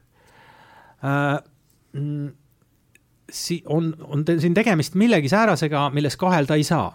kui ka kõik ümbritsev on, on, on olematu või me ei saa kindlad olla, kas see on olemas ja ta isegi ei tea, mis asi ta ise on, see mõtlev subjekt, siis see, et ta mõtlev subjekt on, see, et ta midagi on, on kindel. see on talle ilmne. ja kui see on ilmne, siis, siis, siis nähtavasti ta peab ka eksisteerima säärase mõtleva asjana või millegina, mis mõtleb ja siis edasine arutelu püüab siis täpsustada seda, mis see mõtlev asi on. ja lõpuks jõuab välja siis noh, mida oligi tarvis tõestada, see mõtlev asi ei ole midagi muud kui mittemateriaalne substants eh, ehk siis hing eh, või vaim. Eh, selles kontekstis Descartes käsitleb hinge ja vaimu sünonüümidena et siis äh, hing siis äh, ladina keeles anima ja vaim äh, mens, millele, mille vasteks noh, inglise keeles on siis, mens on siis mind mm. -hmm. ja no sellega ta arvab olevat leidnud siis selle tõsikindla aluse ma küsin vahele, kas Aristotelesel olid anima ja mens eraldi või oli, Descartes käsitleb neid siis sünonüümidena, see no keskajal võisid need olla niipidi ja naapidi, aga jah, et see on ka tegelikult mõnes mõttes oluline moment, et jah, selle hinge ja vaimu ühte sulatamine, sulatamine siin jah, et äh, hilisema filosoofia arengu seisukohalt oluline. ja ja noh, ma ei hakka siin nüüd edasi äh, ümber jutustama, eks ole, meditatsioonide sisu, see on eesti keeles suurepärases tõlkes äh, saadaval, aga ma veel siin lühidalt peatuksin siis mõnel momendil, et mis on tähtsad selle arutluskäigu seisukohalt. et kui see tajuv, vabandust, mõtlev, mõtlev subjekt on leitud tõsikindla alusena, siis alles seejärel äh, äh, saab ta, sellest alles saab ta äh, teha järeldusi äh, ülejäänu kohta maailmas. ta räägib ka siis edasi sellest, mis on kehade loomuseks, nimelt siis ulatuvus, aga ka seda äh, me saame tajuda üksnes intellektiga ja kusjuures ta tõesti väidab, et see, see vaimu või hinge teadmine iseenda olemasolust on antud vahetult, aga teadmine kehade olemasolust ja loomusest ei ole niiviisi vahetult antud. ja ta siis paistab eeldavat, et see vaim või hing või see taju, tunnetav subjekt on iseenda jaoks läbipaistev. et vaim suudab tajuda seda, mis ta on, seal ei teki mingisugust ebamäärast jääki, et võib-olla selles tajuvas subjektis on ikkagi ka midagi kehalist. Ta, ta väidab, et see vaim näeb iseendast läbi nii-öelda lõpuni ja näeb ka kehadest läbi, nii et vähemalt selle olemust. et vaim on vaim ja ta on täiesti mittekehaline, mõtlev asi ja keha on keha ja ta on täiesti mittevaimne ulatuv asi. ja see on siis see, mida ta võtab, mis annab talle seda tõsikend-, tõsikindluse vaia või? see, et vaim on endale läbipaistev? jah, võib nii öelda küll, sest et see on kindlasti vaieldav ja see seati kahtluse alla juba Descartesi eluajal, et võib-olla vaim sisaldab endas mingeid omadusi, mida ta niimoodi vahetult ei taju. võib-olla me ei ole enda jaoks läbipaistvad no äh, anname siin Piretile sõna järele, on tükk aega pidanud äh, vaiki olema, et äh, seesama asi, et, et kommentaariks juurde see kurgi teemon, cogito ergo sum. no selle kurja teemoni skeem tänapäeva analüütilise filosoofia loogika järgi on siis, koosneb kolmest sammust, esiteks ma ei tea, et see kuri vaim mind ei peta, noh, mul on mingisugune teadmine, aga ma, mul ei ole teadmist, et seda kurivaimu ei ole, kes mulle vale asja pähe on pannud. esimene samm, teine samm, kuna ma ei tea, et kurja vaimu ei ole, siis ma ei tea, et mul on käsi näiteks. ja kui, kui ja kolmas samm, järelikult ma ei tea, et mul on käsi ja Descartesi lahendus on, on siin selles, et ta lükkab tagasi selle esimese äh, väite, et ma ei tea, et kuri vaim mind ei peta. Vastupidi, ma tean, et on Jumal, kes kurja, kes ei lase kurivaimul mulle valesid mõtteid iseenda kohta pähe panna või, või maailma kohta. aga tänapäeva analüütilises filosoofias on seesama skeptitsismi probleem ka olemas ja samamoodi vaidlustatakse see samm, et ma ei tea, et kuriteemon mind ei, peta iseenda suhtes. sellepärast, et väidetakse, et see, mida ma saan teada, ei äh, ole nii-öelda antud ainult minu enda mõistuses internalistlikult, vaid see antakse alati, tähendused antakse seoses välismaailmaga eksternalistlikult. ja, ja sel juhul on midagi, midagi välismaailmast peab, mingisugune suhe välismaailmaga peab olema ja ma ei saa ainult oma sisevaatluse abil teada ühtegi asja, kaasa arvatud seda, et kuriteemon mind ei peta. aga noh, need on juba tänapäeva analüütilise filosoofia arutlused, mis on Descartesist nelisada aastat hilisemad ja ja vahepealne filosoofia areng on ka kõik olemas ja mängus et see on nüüd see, kuidas siis see Descartesi probleemistik on tänapäevases, tänapäevases keeles, jah ja.? no saan ma aru, et see põhiline probleem on ikkagi see, et kuidas tagada selle, küsimus selles, et kas selle minu sisekosmose ja, ja väliskosmose vahel on üldse mingit, on üldse mingit äh, vastavust. see on see fundamentaalne probleem, kas mitte? No, et minu asjakujutus, kas minu asjakujutus, ettekujutusel asjadest ja asjade vahel on, on üldse mingi Descartesi väitel minu ettekujutus iseendast, sellest, et ma mõtlen või sellest, et ma kahtlen ükstaspuha, seal ei ole mitte midagi välismaailmast, see on puhtalt ainult minu mõistuse sisene. ja see on see, mis on see tõsikindluse viimne allikas temale, eks? hakkab sealt peale kõik see asi Descartesil. Aga tänapäeval öeldakse, et mõtete tähendused tulevad ainult seoses noh, mõtte seo-, seosest, millel, mis on mõttel välismaailmaga. Ja kui need välismaailmad on erinevad, siis mõtted, mõtete tähendused on ka erinevad ja ei, ei ole niimoodi, et, et äh, istun, mõtlen ainult ja see, mis on minu mõtte sisu, see sõltub ainult minust endast, see sõltub ka välismaailmast. Descartesi puhul on ju veel huvitav ju see, et äh, ta ei paista väga muretsevat sellepärast, et äh, kuidas me teame, et äh, teised vaimud on.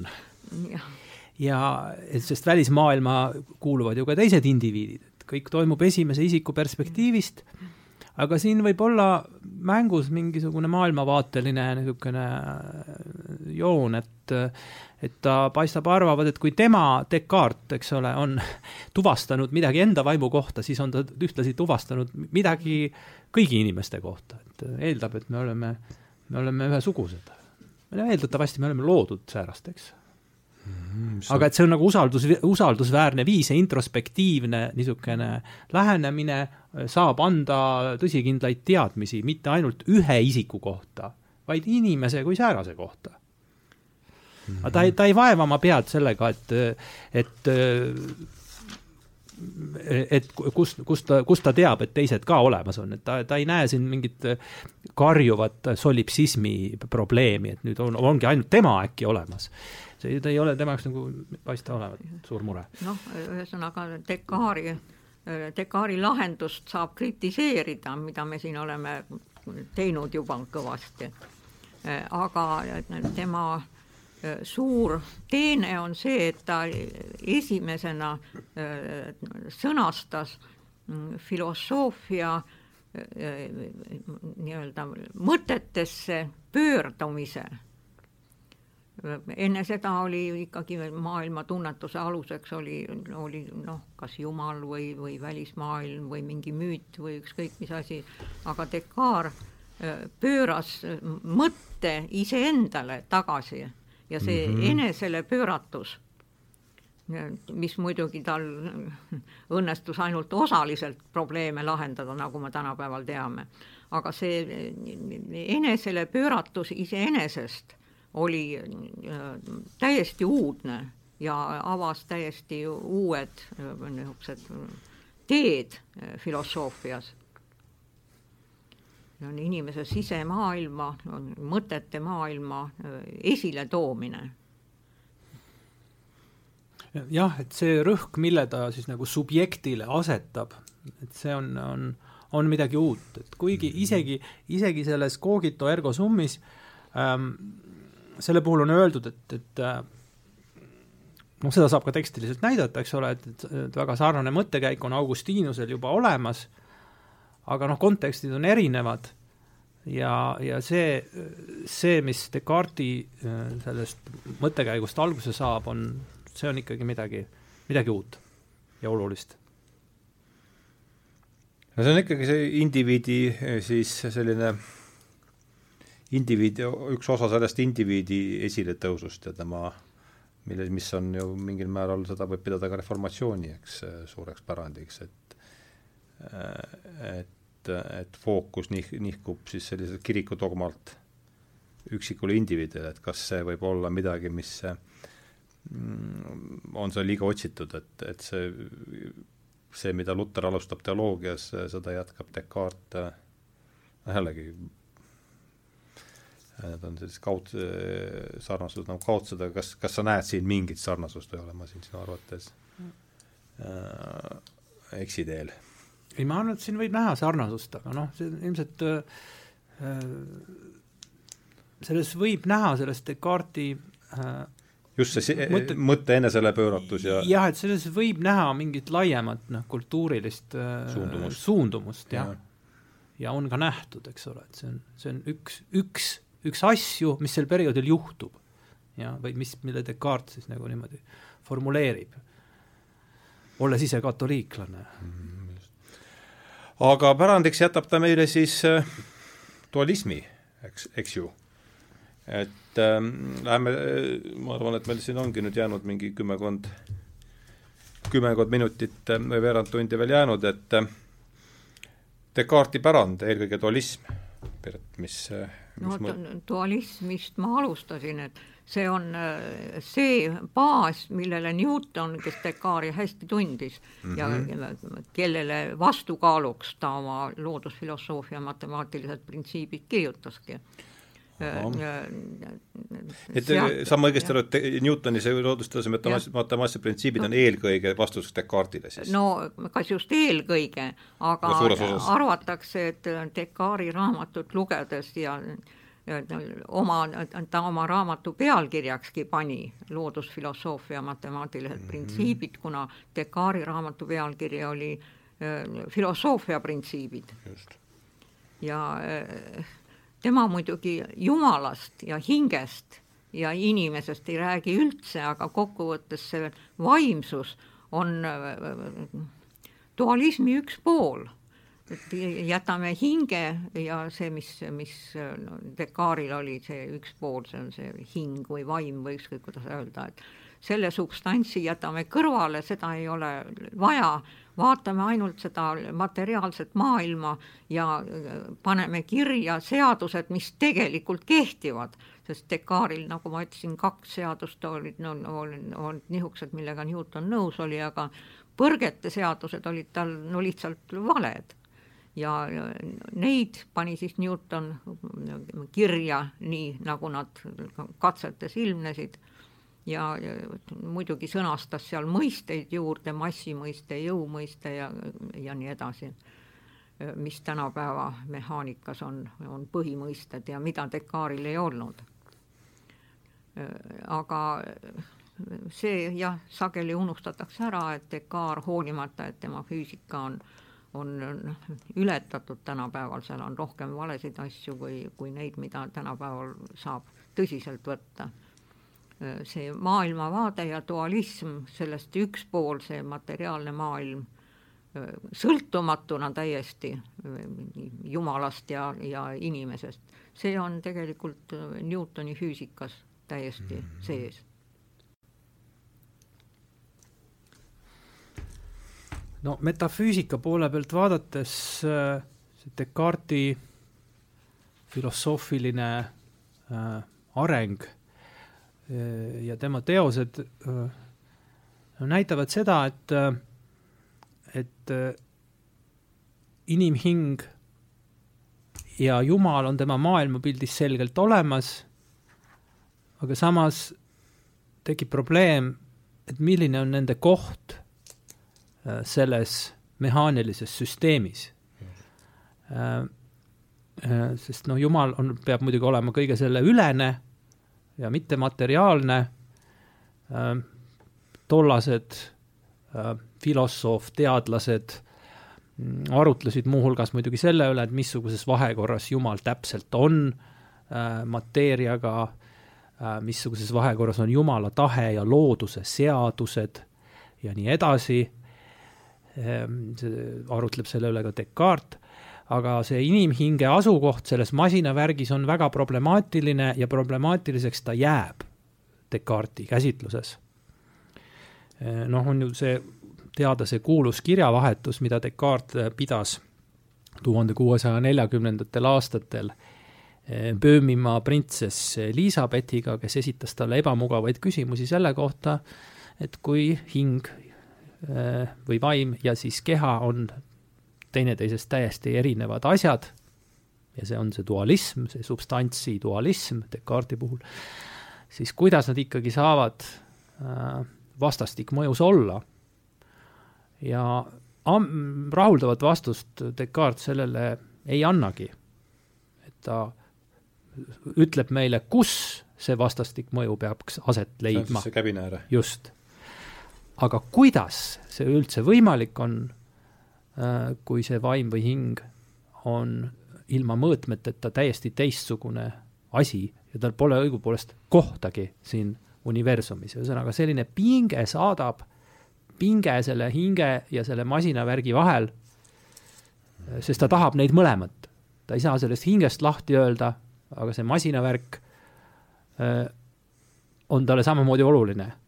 see pinge nende vahel äh, on ja jääb Descartesi mõtlemises et ma saan aru, et Newton ütleb, et unustame selle hinge poole nüüd ära ja keskendume siis äh, masinavärgile. ta ei ütlegi midagi, ta lihtsalt tegutseb, kirjutab ja arendab oma teooriat. aga, aga tegeleb ainult masinavärgiga? ja tegeleb ainult selle, selle mehaanilise poolega, mis noh, füüsikaliste kehade maailmas äh, toimib ja mida saab näha eksperimendist, sest Newton oli juba eksperimentaator ja, ja sai, sai vaadata, kas tema äh, poolt sõnastatud seadused ka äh, tegelikkusele vastavad mm. -hmm. ja kuigi ta sõnastas neid aktsioomidena, sest ta tahtis mehaanikat üles ehitada niisama kindlalt, nagu Euclides ehitas üles geomeetria. aga, aga noh, mis sealt, et meie loeme Newtoni printsiipida, printsiipiad teistmoodi, see on juba meie asi ja meie ümber sõnastatud aga ütleme siin noh, veel kord kümme, kümmekond minutit äh, on meil vast jäänud ehk seda aega, et et kuida-, kui nüüd vaataks edasi, et see dualismi probleem jääb meil üles ja see vä-, muidugi väärib omaette saadet, aga nüüd andeks natukene aimu, et et kui see on nüüd see lähtekoht, kartesiaanlik dualism on see lähtekoht, et millis, millised on nüüd edasised lahendusviisid, kui niimoodi katsume äh, katsume neid kuidagi kate-, kategoriseerida selles vaates, et kuidas see filosoofia edasi, edasi liigub sealt, kuhu, kuhu ka Descartes jätab. no see on muidugi väga pikk ja detailirohke lugu. just, aga noh, lihtsalt me üritamegi visandada lihtsalt aga, aga no kui otsida, tähendab lähemast, jaa, otsida sealt nagu lähemast, lähemast ümbrusest ja mina muidugi jälle võtan seda metafüüsika võtmes, et noh ähm,, kaks tähtsat filosoofi seitsmeteistkümnendal äh, sajandil kes äh, Descartesi hoolega lugesid ja arendasid välja oma süsteemi, olid muidugi Spinoza ja Leibniz mm. -hmm. ja, ja neid kõiki kolme loetakse no kõige olulisemateks ratsionalistideks äh, seitsmeteistkümnendal sajandil. Äh, kui, ja no siin on, on, on näha, mis toimub. tähendab, kui vaadata neid samu tuhande kuuesaja neljakümne neljandal aastal ilmunud Descartesi filosoofia printsiipe Äh, siis äh, äh, mida ma soovitan lugeda, tähendab eriti sellisel nagu analüütilisema mõttelaadiga inimestel on, on seda parem lugeda mõnes mõttes kui meditatsioone, sest seal ta defineerib mõisteid väga selgelt, ta ütleb, mis on mõte, mis on substants, mis on moodus, kõik on selgepiiriline paragrahvideks jaotatud, kogu Descartesi nagu filosoofiline. Ja siis hiljem ka siis seal see teaduslik süsteem ja, ja seal, kui ta defineerib substantsi, siis ta ütleb, et noh, substants on see, mis oma olemasoluks ei vaja midagi muud. jah, mhm. et eksisteerida ja rangelt võttes sellele vastab ainult Jumal. sest kõik muu on Jumala loodud ja on Jumalast selles mõttes vähemalt ontoloogilises plaanis sõltuv. Aga siis piiratud tähenduses või siis nagu tinglikumalt võttes, siis on kaks substantsi, on siis see äh, Äh, on siis see kehaline ja, ja substants ja siis, ja siis need inim, inimhinged või need mõtlevad asjad.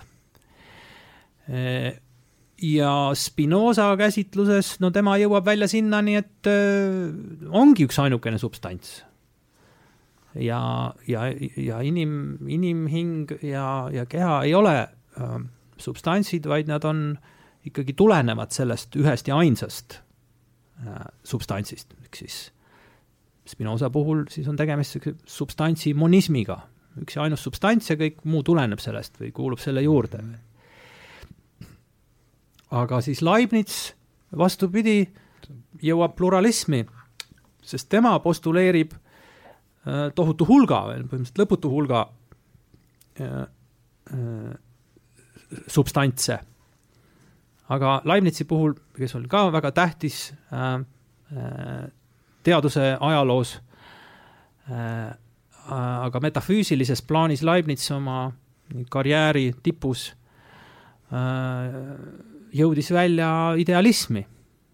väitis, et nagu fundamentaalsel metafüüsilisel tasandil see, mis on, et need on mittemateriaalsed substantsid, entiteedid, mida ta siis nimetab ka monaadideks, ja nendest on maailm üles ehitatud.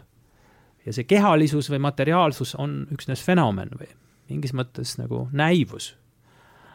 Ehm, no need on kaks niisugust olulist äh, äh, mõtte äh, tulemust selles lähemas ümbruses mm. -hmm. kuidas Kant sellesse, sellesse skeemi siin nüüd sobitub, mis me Kant jääb sellest skeemist kõrvale, sest tema ei olnud skeptik selles mõttes tema, tema,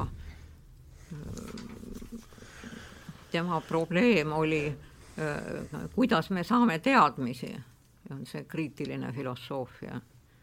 ja siis jõudis ta sinnani, et no, nende nii kuidas asjad tegelikult on, selle kohta me ei saagi midagi teada, aga me saame ainult nende näivuste kohta oma teooriaid arendada. fenomenid ja noumenid, tuntud terminid Äh, aga äh, Dekaarist äh, Kant eriti nagu midagi ei räägi, tema lähtepunkt oli Hume'i skeptitsism, mis on jällegi Deka-, Hume Dekaari üldse ei tunnistanud, ütles, et Dekaar mm, defineerib mõtlemise kui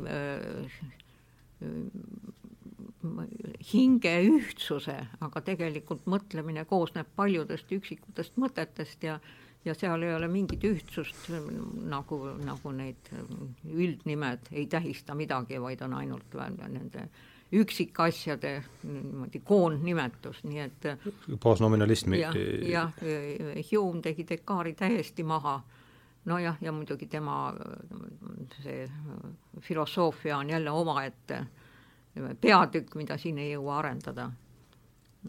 ja Kant lähtus sellest Hume'i skeptitsismist, mitte Descartes'ist.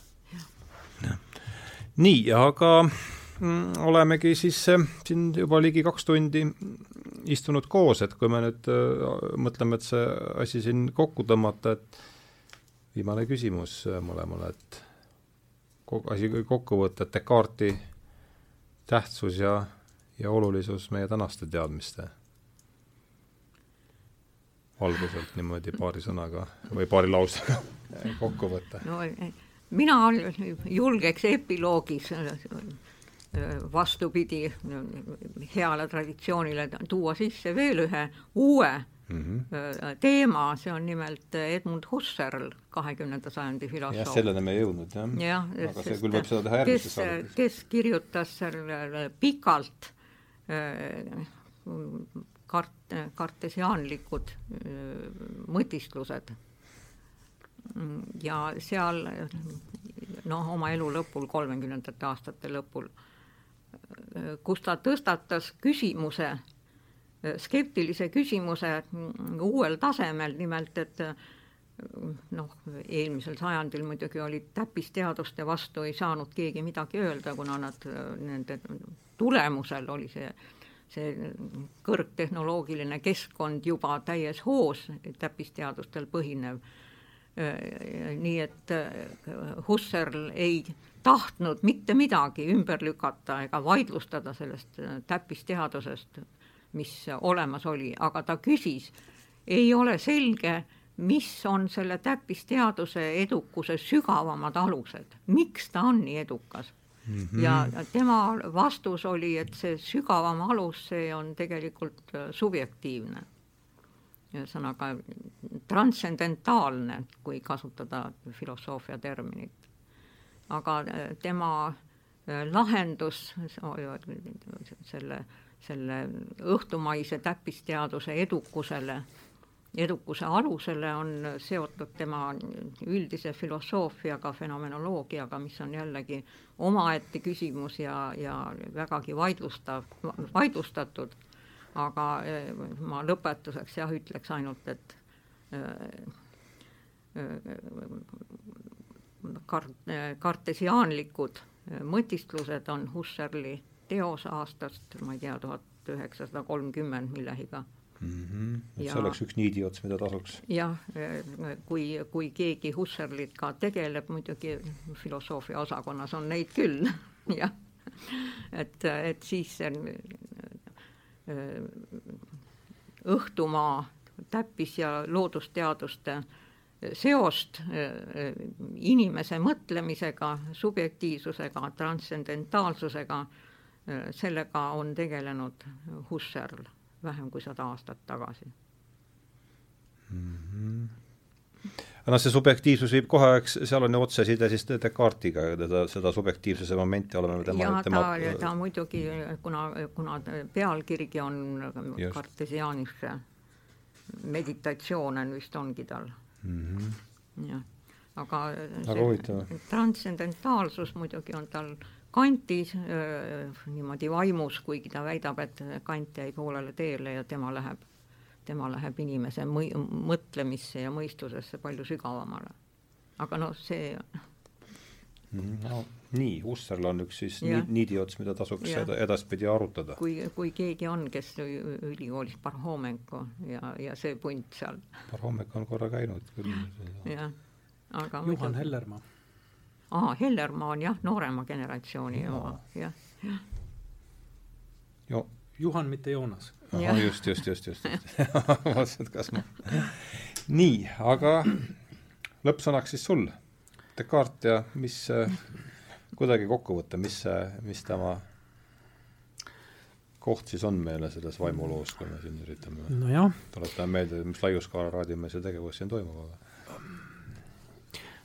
ma olen mõelnud selle peale, et, et ega siis see, see dualism ühel või teisel kujul on, on, on meile kuidagi intuitiivselt ju nagu vastuvõetav või kui mitte vastuvõetav, siis see, see, see, see on ju kuidagi omamoodi loomulik mõelda, et, et mina ei ole ainult keha, eks, või mingi organism, et on niisugune noh, mida ta võib ju teaduslikus plaanis olla, eks ole, see, see inimene, üksnes säärane, säärane organism oma füüsiliste omadustega, aga, aga kahtlus ju jääb inimese, inimesse, inimesse sisse, et äkki ma olen ikkagi midagi veel, midagi enamat, et ma, mulle võib paista just nimelt esimese isiku perspektiivist, et et mitte mina ei ole keha, vaid, vaid mul on see keha ja ma olen ikkagi midagi, midagi enamat või midagi muud või ma olen kuidagi nagu pealtvaataja siin või ma, aga et äkki, mis siis ikkagi nüüd nagu saab või kes ma siis ikkagi lõpuks olen või et võib-olla see ei ole lõpuni ära otsustatud no see haakub ju sellise kogemusega küll aeg-ajalt. või mis? no iseküsimus on see, et nüüd kui palju see, see dualism nagu äh, mõtteviisina on mõjutanud äh, meie mõtlemist juba ette, eks ole. kumba pidi see käib, et kas dualism on selles mõttes, on, tundub loomulik, et et ta ongi loomulik inimesel niimoodi mõelda, et või, või, või siis on see dualism ise kuidagi juurdunud või kultuuriliselt niimoodi, et meil on olnud pikalt kombeks mõelda, et me oleme hinged ja kehad. nii, jälle võtame selle akadeemia, kust on äh, meditatsioonid, mis on teine ja kuues on vist siin jah, tõlge. mis see aastanumber see on? tuhat üheksasada üheksakümmend kuus, number kaheksa no nüüd on raamatuna nüüd on raamatuna ka. aa, muidugi jah, ja, ja aga siin äh, kommentaariks on Gilbert Ryle, äh, Descartesi müüt ja see on siis eh, kah analüütilise filosoofia vaimus öeldud, et see on eh, dualism on kategooria viga, sellepärast et materiaalne maailm ja mõtted on eri liiki, no ühesõnaga keeles iseloomustatud, tuleb neid vaadata kui eri liiki entiteete, neid ei saa niimoodi vaadata ühtemoodi, et masin üks, üks substants on see kehaline substants ja teine samasugune substants, aga teiste seadustega on vaimne substants. Rail väidab, et see on kategooria viga ja ühesõnaga mõtlemise viga.